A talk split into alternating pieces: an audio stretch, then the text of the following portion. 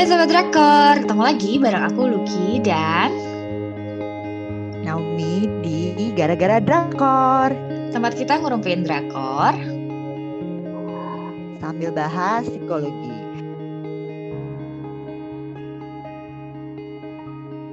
Nah, episode ini kita nggak akan bahas drama series karena kita Yes. mau bahas satu film Korea juga pastinya yang menarik dan eh, harus cepet-cepet kita bahas karena kalau enggak eh, nanti banyak spoiler. Walaupun kita akan spoiler sih ya, ya Ki ya.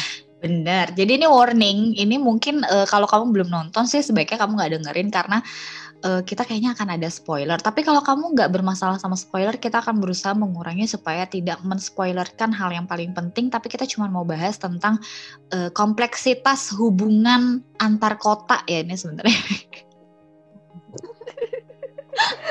Benar. Jadi kita akan bahas eh, satu film namanya Sweet and Sour. Jadi Mhm. dibintangi oleh Jang Kyung, Crystal dan Choi So Bin gitu. Benar. Jadi intinya cuma berputar di tiga orang, empat orang Eh, sih Empat sebenarnya. orang ya. Empat orang itu siapa ya? Tapi eh, satu orang ini cuma akan hadir di depan dan di belakang ya. Jadi sebenarnya sih kayak eh, satu setengah jamnya ya memang berputar pada si tiga orang ini. Si Kristal namanya tuh Buyong di situ, Jang Kyung sebagai Opa Hyuk ya kan, biar nggak terlalu clue banget. Jadi Opa Hyuk. Terus si eh, Subin menjadi Daeun gitu. Daeun ini suster ya kan ya. Lalu si Hyuk ini dia engineer gitu kayak teknik sipil sih kalau gue lihat ya. Dia karena bekerja di perusahaan arsitektur, sedangkan eh, si siapa namanya si Buyongnya adalah arsiteknya. Jadi makanya mereka selalu kerja sama. Jadi kan biasa arsitek sama teknik sipil gitu ya. Arsitek mau yang cantik tapi secara sipil atau secara konstrik konstruksi tuh nggak bisa. Nah mereka jadi mengerjakan proyek tuh bareng di sebuah perusahaan ini. Gitu. Betul. Jadi ceritanya si Hyuk ini, si Opa Hyuk dan si Daan ini tuh udah pacaran satu tahun tujuh bulan kali Iya. ya, kayak masih satu tahunan gitu. Mhm. Tapi kayaknya udah tinggal bareng. Betul. karena diliatin sih mereka selalu pulang ke rumah yang sama terus eh, udah gitu em, mereka tuh terkendala hubungannya itu karena kantorku terlalu jauh Jadi mungkin orang-orang Jakarta Depok Bekasi Bintaro dan sekitarnya itu akan relate Betul. karena si em, si siapa si Hyuk ini Mhm. dia tuh kayak kita andaikan dia kerja di Cikarang itu kan gak terlalu jauh ya dari Jakarta bisa naik mobil paling Bener. satu setengah jam dua jam Betul. tapi kalau tiap hari kan nah, mabok juga gitu Plus ya macetnya, macetnya. Ya ampun. Bener. Gitu. gitu dan dan si Daan ini perawat yang kita tahu kerjaan perawat kalau di rumah sakit itu ada shift shiftan ada shift malam pagi subuh terus weekend kepake jadi kebayang nggak dua orang yang sibuk ini LDR tapi sebenarnya tidak LDR dan gimana hu- eh, situasi ini mempengaruhi hubungan mereka gitu. Mm-mm, Kalau bener. lihat trailernya sendiri, tadinya kita pikir apa nih? Kayak tadi kita pikir nih, oh ini sepertinya akan ada terjadi perselingkuhan gitu kan. Karena kan ada satu cowok dengan dua cewek kan biasanya tuh bau-bau perselingkuhan. Dan eh, banyak juga sih yang udah nonton bilang, wah ini si ini selingkuh, ini si ini selingkuh. Tapi kalau kita sih kayaknya punya persepsi yang agak berbeda ya Mi ya soal drama yang satu ini. Karena ini kayak tadi ya yang kita bilang bahwa sebenarnya mereka nggak bisa dibilang LDR tapi karena kan mereka masih satu rumah cuman ya itu ya rasa lelah yang tiap hari Hmm. harus eh, Jakarta Cikarang Jakarta Cikarang gitu kan ya. Lo naik mobil padahal ada komuter lain gitu kan. Jadi eh, jadi kayak lelah banget gitu. Udah gitu pas dia pulang eh tapi ternyata si eh, daunnya ada shift eh, malam. Jadi nggak bisa ketemu. Pas weekend dia bisa pulang si daunnya nggak bisa. Pas daunnya bisa dianya lelah. Complicated. Nah jadi kita melihat bahwa eh, ini tuh real life situation. Ya mungkin nggak tahu ya kalau di Indonesia tuh mungkin eh, nggak ada yang tinggal bareng sih ya tapi eh, anggap aja misalnya jadinya lu kayak nggak punya waktu kencan ya kan lu mungkin nggak tinggal bareng tapi Yes. jadinya Bener. mau telepon-teleponan malam tapi pacar lo keburu capek terus tidur gitu kan gak jadi dia telepon-teleponan yang kayak gitu di WhatsApp sibuk banget di kantor nggak bales-bales kayak gitu ya Mi ya kurang lebih Iya benar-benar. Jadi hubungan mereka tuh jadi hubungan yang rutinitas aja gitu ya. Iya pacaran karena memang harus ngedate tapi bukan karena mereka excited atau menikmati gitu. Yes. Karena ya di pas ngedate juga udah capek sebenarnya kayak ngedate yang dipaksakan gitu. Jadi ya tahu kan kalau kita capek sebenarnya pengen cepet-cepet pulang tidur. Jadi nggak ada nggak ada apa ya quality time lagi, nggak ada deep talk lagi Tuh. bahkan sekedar ganti lampu aja. Nggak sempet buang sampah aja pakai ngomel-ngomel dulu. Sebenarnya Kayak berdebat mana yang lebih dialami capek, rumah ya kan, ya? sebenarnya. Oh, iya nggak sih? sebenarnya. setiap rumah tangga pasti pernah mengalami ini kecuali dia punya eh, pembantu 10 gitu. Minimal eh, dua lah ya. Jadi nggak sibuk mikirin nggak ada yang buang sampah dan beberes atau ganti lampu. Jadi ini campuran ya maksudnya eh eh, situasi mereka tuh bener gue setuju banget sama Nomi kayak eh, udah berumah tangga kak trouble troublenya apanya Mhm. maksudnya masalah-masalah yang dihadapi. Tapi secara komitmen sayangnya belum menikah. Jadi kan komitmennya tentunya nggak akan sekuat kalau pasangan-pasangan menikah. Nah di sinilah yang jadi problem gitu kan. Kalau cuma tinggal bareng tapi nggak menikah nih gini nih kayak sebenarnya. Padahal kan tujuannya tinggal bareng buat apa sih? Kalau pacaran ya kan supaya buat ketemu tiap hari, buat ngobrol ya kan kalau ada lagi lagi sedih ada yang menghibur, terus kalau ada yang nemenin kalau malam-malam nggak sendirian. Tapi nyatanya itu nggak didapetin setelah satu tahun tujuh bulan. Tuh. benar gitu nah lalu adalah si Boyong ini teman Mhm. kantornya si siapa nih si Eh, Opa Hyuk Opa Hyuk. ini gitu jadi ingat ya ini spoiler ya karena kita akan bahas eh, kenapa kita berpikiran seperti ini di drama eh, di film ini jadi Betul. eh, kalau banyak yang nganggap bahwa tadi banyak orang yang nganggap si Kristal ini perannya akan sebagai pelakor gitu ya Pelaku. Mbak Ital kasihan banget sih baru lihat poster udah disangka jadi pelakor. Iya ember, padahal di situ sebenarnya nggak ada yang jadi pelakor gitu karena ya. namanya situasi kerja dia hampir dari jam 7 pagi ke sampai jam 10 malam kayaknya bareng loh. kerja punya project dari yang tadinya geli Karena Mbak akhirnya ya Aduh, ya Allah. Tapi itu adalah bener. Sorry Mei gue potong. Tapi gue jadi nggak bayangin pas lo bilang geli Ah. karena gue nggak bayangin adegan di mana Mbak Ital sangat gross banget. Tiga hari nggak mandi, Iya, kayak- saus-saus. Aduh, nggak banget sumpah. Ternyata Kayak Kristal bisa kelihatan kayak tuh kayak gitu. ada bau terus saus di mana-mana di baju terus dia kayak nggak mau ganti baju terus kayak yang bahkan inget kayak yang meeting terus di sebelahnya tuh sampai kecium bau badannya gitu loh Eh, yang ini bau "Coba dia apa ya? jauh-jauh."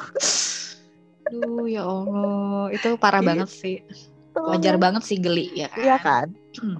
Iya dari geli, tapi akhirnya gara-gara eh, harus kerja bareng, ngobrolnya kan Mhm. bukan sama pacarnya jadinya, jadi sama Hmm. temen kerjanya dari omongan kerjaan sampai akhirnya mungkin kayak makan siang bareng, makan malam bareng kan Iya. lama-lama jadi nyambung gitu kan, Bener. sepenanggungan.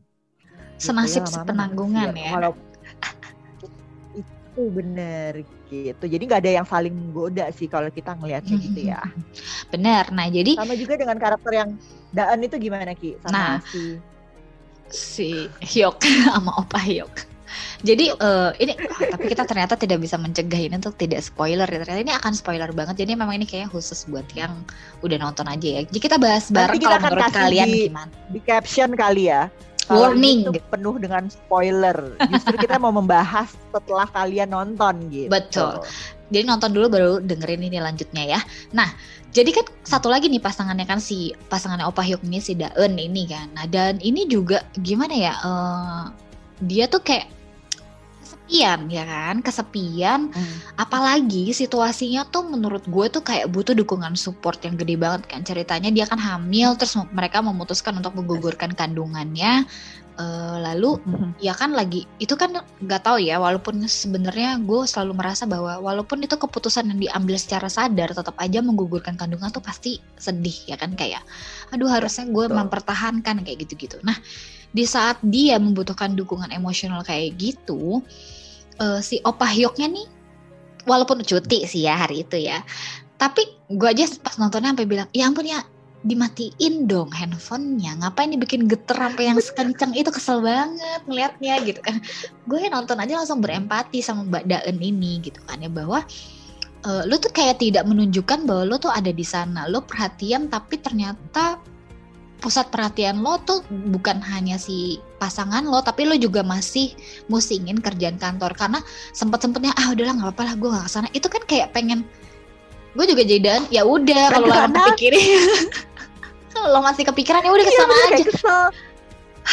gitu loh. Harusnya jadi kayak, dia kayak langsung matiin gitu kan. Nah, kalau matiin kan kita jadi tahu oh dia memang nggak peduli sama kerjaannya. Kalau ini tuh kayak masih ada kebimbangan gitu. Jadi kan kesel gitu asli ya kita yang nontonnya aja gue bisa banget merasakan kekesalannya si Mbak Daen saat itu. Karena ya itu tadi kalau lo emang full perhatian lo sama Daen, lo seharusnya pas udah ini ngeganggu, ini kan lagi istirahat ya waktu itu teleponnya ya, ya malah lo matiin supaya nggak geter sama sekali, nggak bunyi. Kan gue lagi cuti, gue udah izin gitu. Tapi ini nggak, udah gitu sok-sokan dengan mempertimbangkannya dengan suara keras lagi. Duh tapi kalau gue nggak pergi ah enggak lah nggak apa-apa lah. Ini kan gue udah ngambil kesel dan akhirnya yang bete nya dia akhirnya memang memutuskan untuk uh, ke kantor hari itu ya kan mm-hmm. nah akhirnya dia si Mbak Dan ini banyak sekali kalau kita lihat komentar di Twitter dan Instagram yang di akhirnya dituduh sebagai pelakor ya Mi ya karena dia punya opah yok yang lain.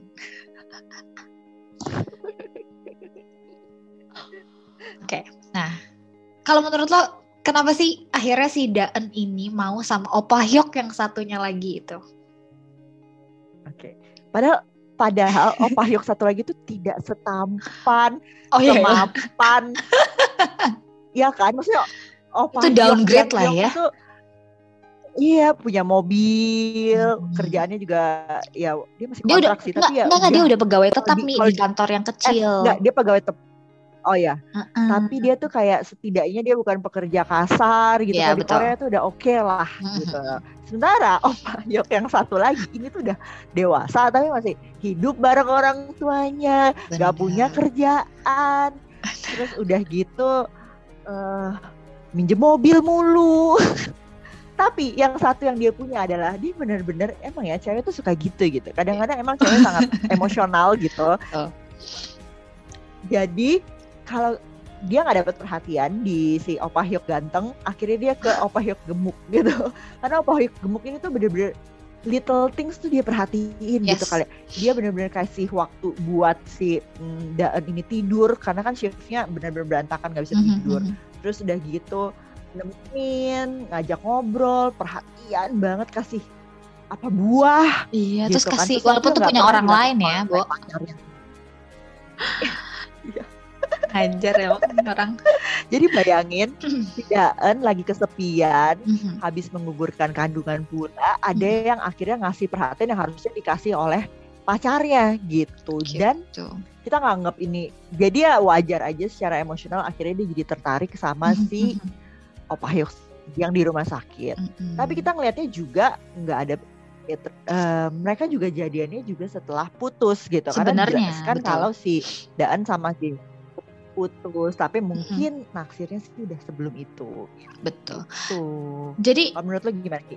jadi kita tuh kalau mau bilang ini perselingkuhan ya mungkin 50-50 ya mungkin kayak perselingkuhannya karena dianggap bahwa kok lo udah mas masih punya pacar tapi tertarik sama orang lain terus kayak menerima perhatian dari orang lain tapi kalau bagi gue sih uh, itu kayak natural nggak sih? Nggak tahu gue juga mungkin ada orang yang iman imannya kuat untuk bisa menerima nggak menerima perhatian orang lain dan langsung kayak membatasi diri bahwa nggak gue punya pacar gitu ya.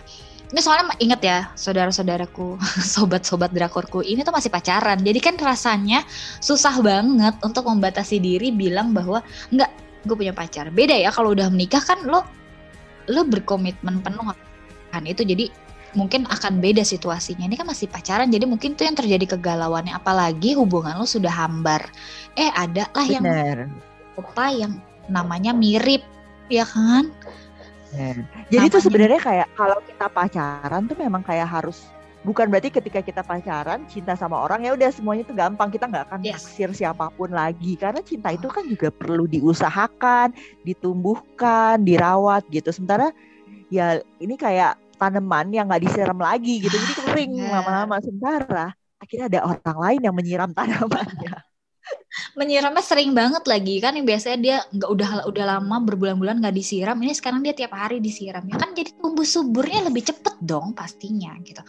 Iya nah, benar kalau soal ketertarikan ya gue jadi inget banget sih Mi. Kan kita kalau di Indonesia nih sangat memuja hubungannya almarhum Pak Habibie dengan Ibu Ainun ya kan? Yes. gue salah satu gue nggak tahu sih ini beneran memang keluar dari mulutnya Pak Habibie atau bukan tapi gue pernah baca quotes yang diklaim itu adalah ucapannya Bapak Habibie almarhum Bapak Habibie.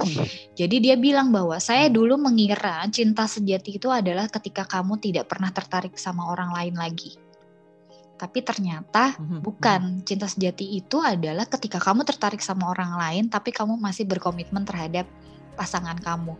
Gitu. Jadi nggak mungkin sobat drakorku tercinta kita nih manusia punya mata punya hati. Susah banget untuk tidak tertarik sama orang lain selain pasangan kita. Tapi ya itu batasannya adalah bisa nggak kita nih pas sudah tertarik nggak diterusin gitu kan? Itu ujiannya istilah Nah, bener. Dan kalau misalnya, oh kita mulai tertarik sama orang lain, berarti sebenarnya ada yang salah nih sama hubungan kita. Justru sebenarnya harus dicari Hmm. bagian mana yang harus diperbaiki. Kalau eh, konteksnya masih pacaran mungkin lebih Betul. mudah kali. Ini perlu kita perbaiki atau kita lepas aja putus gitu Nah, kan. betul Tuh, makanya yang kita bilang kita tidak membenarkan perselingkuhan karena sebenarnya ada dua pilihan mau diperbaiki atau Mhm. diputusin habis itu ya udah terserah mau jadian lain Iya, Tuh. tapi titik tertariknya itu natural, itu human. Nah, apakah Yes. habis itu Yes. beneran dikomitmenkan dua-duanya atau enggak itu kan pilihan, ya kan? Tapi kalau feelingnya Ya, itu betul. nggak bisa dicegah sih, gitu ya menurut kita. Secara teori, ya emosi itu tuh kayak nggak ada nggak ada apa ya nggak bisa dorongannya tuh tidak bisa dicegah gitu tapi yang bisa dicegah adalah bagaimana kita merespon terhadap si dorongan Ya. atau stimulus tersebut gitu kan nah eh, jadi kalau dari gara-gara drakor ini sih Mi apa sih yang bisa kita petik soal hubungan-hubungan eh, pacaran? Apa yang harus dilakukan kalau ternyata kayaknya ini hubungan udah hambar nih kayaknya jadi kita sudah bertanya-tanya dia masih cinta nggak ya sama gue? Gue masih harus terusin hubungan ini nggak? Itu kan itu kayak yang terjadi sama Daen ba- baik sama Daen maupun sama si Opa Hyoknya gue gue gak tahu si Opa Hyoknya sebenarnya nggak terlalu tergambar feelingnya ya. Dia cuma yang tergambar di dia adalah keribetan dia dengan pekerjaan ya kan? Lalu tapi yang ke- kegambar banget feelingnya memang si Daennya ya kan? jadi jadi eh, dari gara-gara drakor yang ini Sweet and Sour sebenarnya kita udah dikasih tahu sih terakhirnya bahwa dia harus cari kan triggernya tuh apa sih? Pencetusnya kenapa mereka bisa hambar banget hubungannya? Kan sebenarnya karena LDR Unite ini gitu kan. Terakhirnya tuh si Opa Hyuk akhirnya naik ini naik komuter gitu loh. kan kita jadi mikir kenapa nggak dari awal sehingga lu bisa spend time dengan pacar lu gitu. Iya bener. Jadi sebenarnya ya kita bisa lihat kenapa sih hubungan kita bisa hambar, apa yang terjadi, apa yang bisa kita Hmm. usahakan. Misalnya mungkin kita nggak bisa resign dari kantor kita, tapi kita kan bisa pakai KRL. Jadi eh, Cikarang Jakarta 30 menit tadinya dua jam. Itu kan kayak Hmm. menghemat waktu gitu. Terus misalnya oke em, akhirnya kita jadi bisa istirahat dulu, bisa ngedate tanpa capek, akhirnya bisa kita Betul. ngobrol lebih banyak. Mungkin itu yang harusnya dilakukan di awal bukan di akhir gitu. Kalau lu sendiri gimana Ki? Hmm, Iya bener banget soalnya itu ya. Jadi memang eh, ngobrol ya kan. Itu yang gue lihat dari Hmm. pasangan ini tuh kayak bener-bener konflik ini terjadi karena mereka sama sekali nggak mau ngomongin eh, ya ini gimana ya supaya it works gitu kan. Bener yang tadi lo bilang Hmm. solusinya baru terakhir ya udah lo pulangnya weekend aja. Nah itu kan udah bener ya. Tapi kenapa tidak Hmm. dilakukan atau asumsi gue adalah oh ya mungkin kalau nyewa eh, kos-kosan gitu ya di sana mungkin mahal. Kita nggak tahu juga kan gajinya seberapa besar. Tapi yang kedua adalah si. Daan ini tuh kayak terlalu memendam perasaan karena kayaknya takut konflik Ya. kayak, atau terlalu menjaga perasaan si Opa Hyok yang si Jang Kyung ini ya kan. Jadi kayak dia sendiri nggak pernah ngomong bahwa dia tuh kecewa dia tuh kesepian. Dia kayak selalu ngasih eh, istilahnya kayak seolah-olah mengizinkan. Ini menurut gue kayak eh, kejelekan eh, seseorang ya. Ini nggak hanya wanita ya coba kebetulan itu kan dilakukan sama wanita. Jadi kayak lu sebenarnya kayak ngasih tapi sebenarnya lu pengen pasangan lo tuh enggak gitu. Tapi kan itu menjadi rancu ya bagi Ini kayak gitu Cewek tuh selalu selalu bilang gini, kayak peka dong peka, tapi dia Nah. sendiri nggak mau ngomong. Karena Tuh. pas akhirnya inget kayak mereka berantem di mobil si uh, Daani bilang kamu kan juga nggak pengen anak ini gitu kan Ah, baru dia bener. meledak lah di situ ngomongnya gitu Betul. Padahal kan ya nggak tahu mungkin karena ini film ya. Jadi padahal beneran nggak ada pembicaraan. Hmm. Pokoknya si Dan memutuskan semuanya sendiri ya. Udah dia baru ngasih tahu dia hamil ya Hmm. kan. Totonya tiba-tiba si- situasinya sudah ada terjadi di uh, tempat menggugurkan kandungan ya kan ya. Jadi kan eh bukan tempat menggugurkan kandungan hmm. sebenarnya itu objin tapi untuk dia untuk uh, menggugurkan kandungannya. Jadi nggak ada tuh conversation. Jadi gimana ini mau dipertahankan atau nggak ada sama sekali diperlihatkan di situ. Jadi mungkin jadi makanya kita mengambil asumsi bahwa ya memang intinya adalah dari drama ini ya itu lo ngobrol dong. Jadi sebenarnya lo maunya gimana? Jangan kayak lo ngasih izin ya kayak tapi gue ngerti sih perasaannya Dan yang tadi kita bilang ya bahwa ini lagi jagain hmm. gue tapi lo sibuk nerima telepon dari kantor. Ya udahlah kalau emang lo sibuk lo ke kantor aja. Gitu. Dia malah ngasih izin. Jadi kan hmm. si uh, Hyoka juga kalau cewek kan maunya gitu ya? Hmm. inget gak sih kalau cewek? Iya sih. Ya udah lo pergi aja kantor tuh kayak pengen enggak ah mendingan gue di sini sama lo. Tapi kan, dan ngeselinnya Hyoka oh oke okay, lo ngizinin gue pergi deh. Gitu loh. Jadi kayak kode-kode perempuan itu emang suka nggak ditangkep.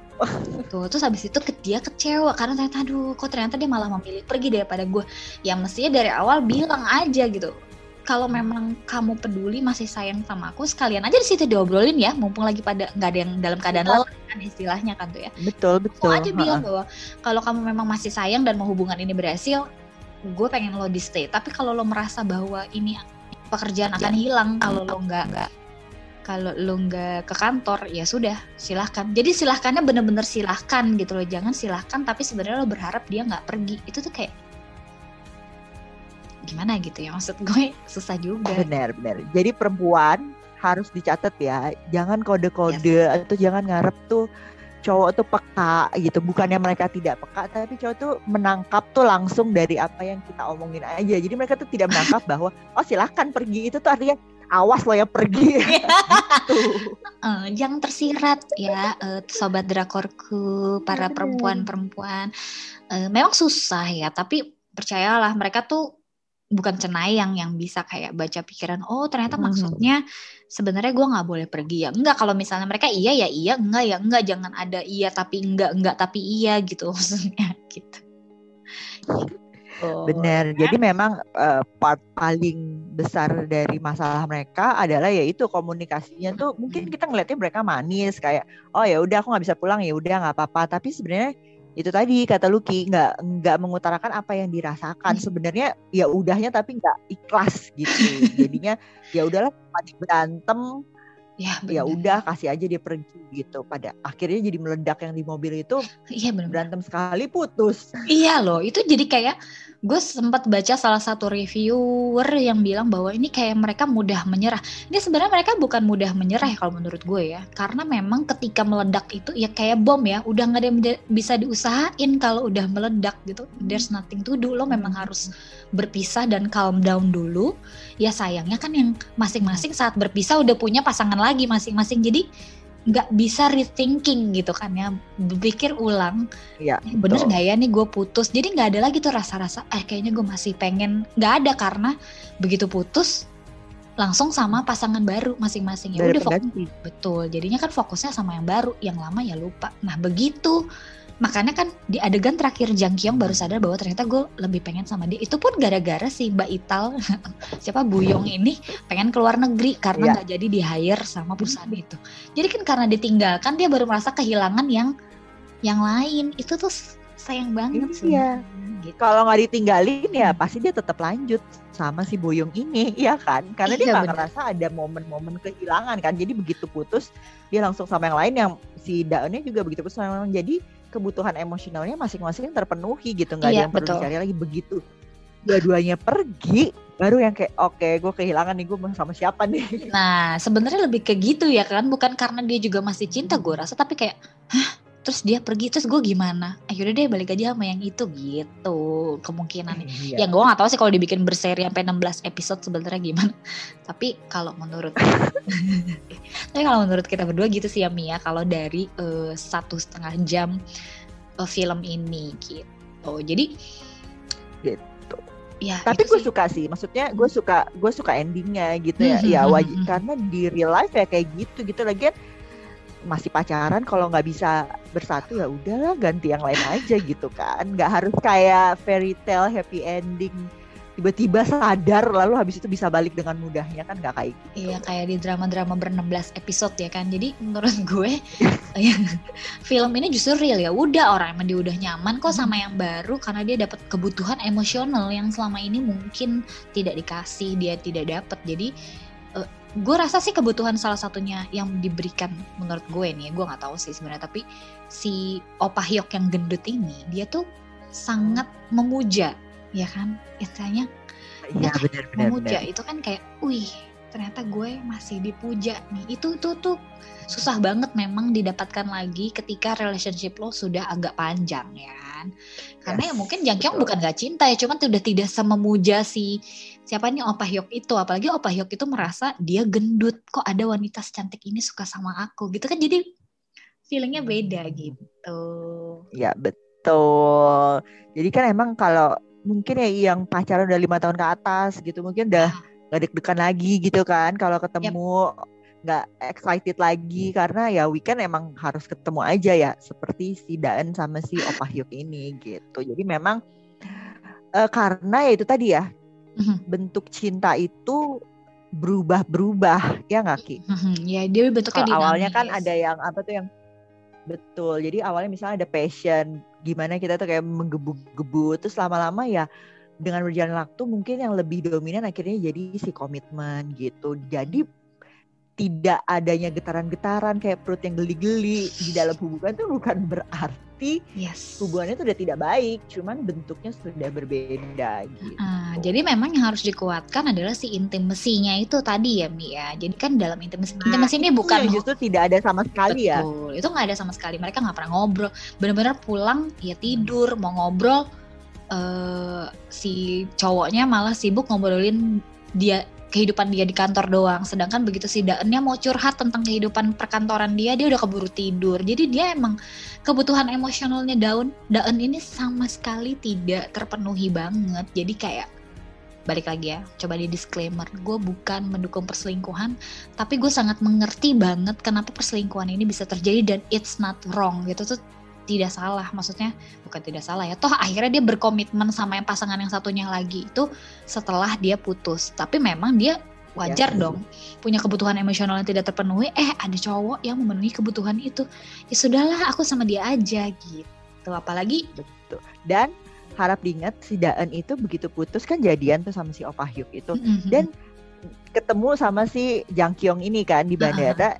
Dia tetap memilih si Opa Hyuk gemuk gitu. Jadi bukan habis selingkuh di Depak gitu loh.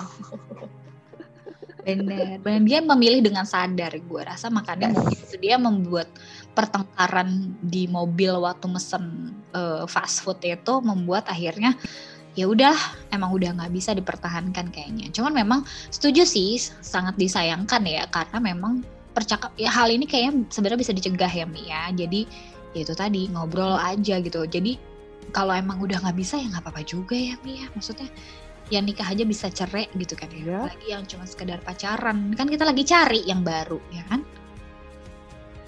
Bener, kan cari yang terbaik. Siapa tahu memang si. Opa Hyuk gemuk ini ya yang terbaik gitu. Hmm. Tuh, yang yang ada orang yang mungkin carinya yang pria mapan, ada orang yang carinya oh yang penting kebutuhan emosionalnya terpenuhi gitu. Tapi Toh gue bisa cari duit gitu ya. dua-duanya sih ya. Tentu. Oh ya. Kalau ada- Kalau ada yang tampan, mapan, terus baik hati, ya kalau bisa sih dapetnya yang itu tiga hal itu. Kalau nggak bisa dan harus pilih salah satu, ya pilihlah yang memang itu adalah visi misi hidup kamu gitu ya. Misalnya kamu punya kebutuhan Yes. emosional yang sangat gede gitu, ya berarti kamu memang harus cari pria yang akan selalu bisa memuja kamu, baik hati dan segala macam. Tapi jangan salah loh, ada cewek-cewek yang juga yang penting mapan gitu nggak apa-apa deh gue kebutuhan Nah. emosionalnya eh, nggak terlalu terpenuhi tapi gue nggak mau terlantar yang penting dia masih pulang yang penting dia masih memenuhi kebutuhan gue ya itu nggak apa-apa juga karena value orang beda-beda ya kan mi Betul, benar. Jadi nggak ada yang salah gitu. Memang kebetulan mereka sudah berjalan ke arah yang berbeda. benar benar-benar Tuh. Nah, jadi eh, menurut kita Aha. eh, sweet sour in- sweet and sour ini tuh sangat menarik banget Yes. ditonton karena walaupun dengan satu setengah jam justru pelajaran tentang relationshipnya ini cukup Hmm. banyak yang bisa kita ambil plus itu sangat relatable dengan orang-orang yang tinggal di kota besar kayak Jakarta Yes. gitu ya Ki ya. Benar banget. Jadi eh yang ini kan gue kita berharapnya yang dengerinnya berarti yang udah nonton ya kan. Nah, kalau menurut kamu nih yang lagi dengerin ini boleh dong di komen ya di IGTV kita atau soalnya kalau di podcast kayaknya agak susah ya berkomen. Nanti di IGTV kita boleh dong komen kalau menurut kalian nih sebenarnya kenapa sih mereka bisa putus dan ada, kalau misalnya menurut kamu ada yang salah atau ada yang memang dianggap berselingkuh itu yang mana dan uh, salahnya kenapa? Gitu. Kita saling sharing aja. Kita sudah memberikan pendapat kita berdua tentang hubungan mereka. Sekarang giliran teman-teman yang dengerin podcast ini atau IGTV-nya yang nonton gitu ya untuk berpendapat kalau menurut kalian gimana. Itu aja. Betul sekali. Oke, okay, uh, itu aja episode kali ini. Minggu depan kita akan bahas uh, drama baru. Sebenarnya nggak baru-baru banget, tapi kita akan selalu bahas first impression itu empat yes. episode. Jadi supaya kita bisa menyeluruh lanjut atau tidak lanjut, gitu ya. Bener. Kalau gitu sampai ketemu lagi di minggu depan. Ah. ah.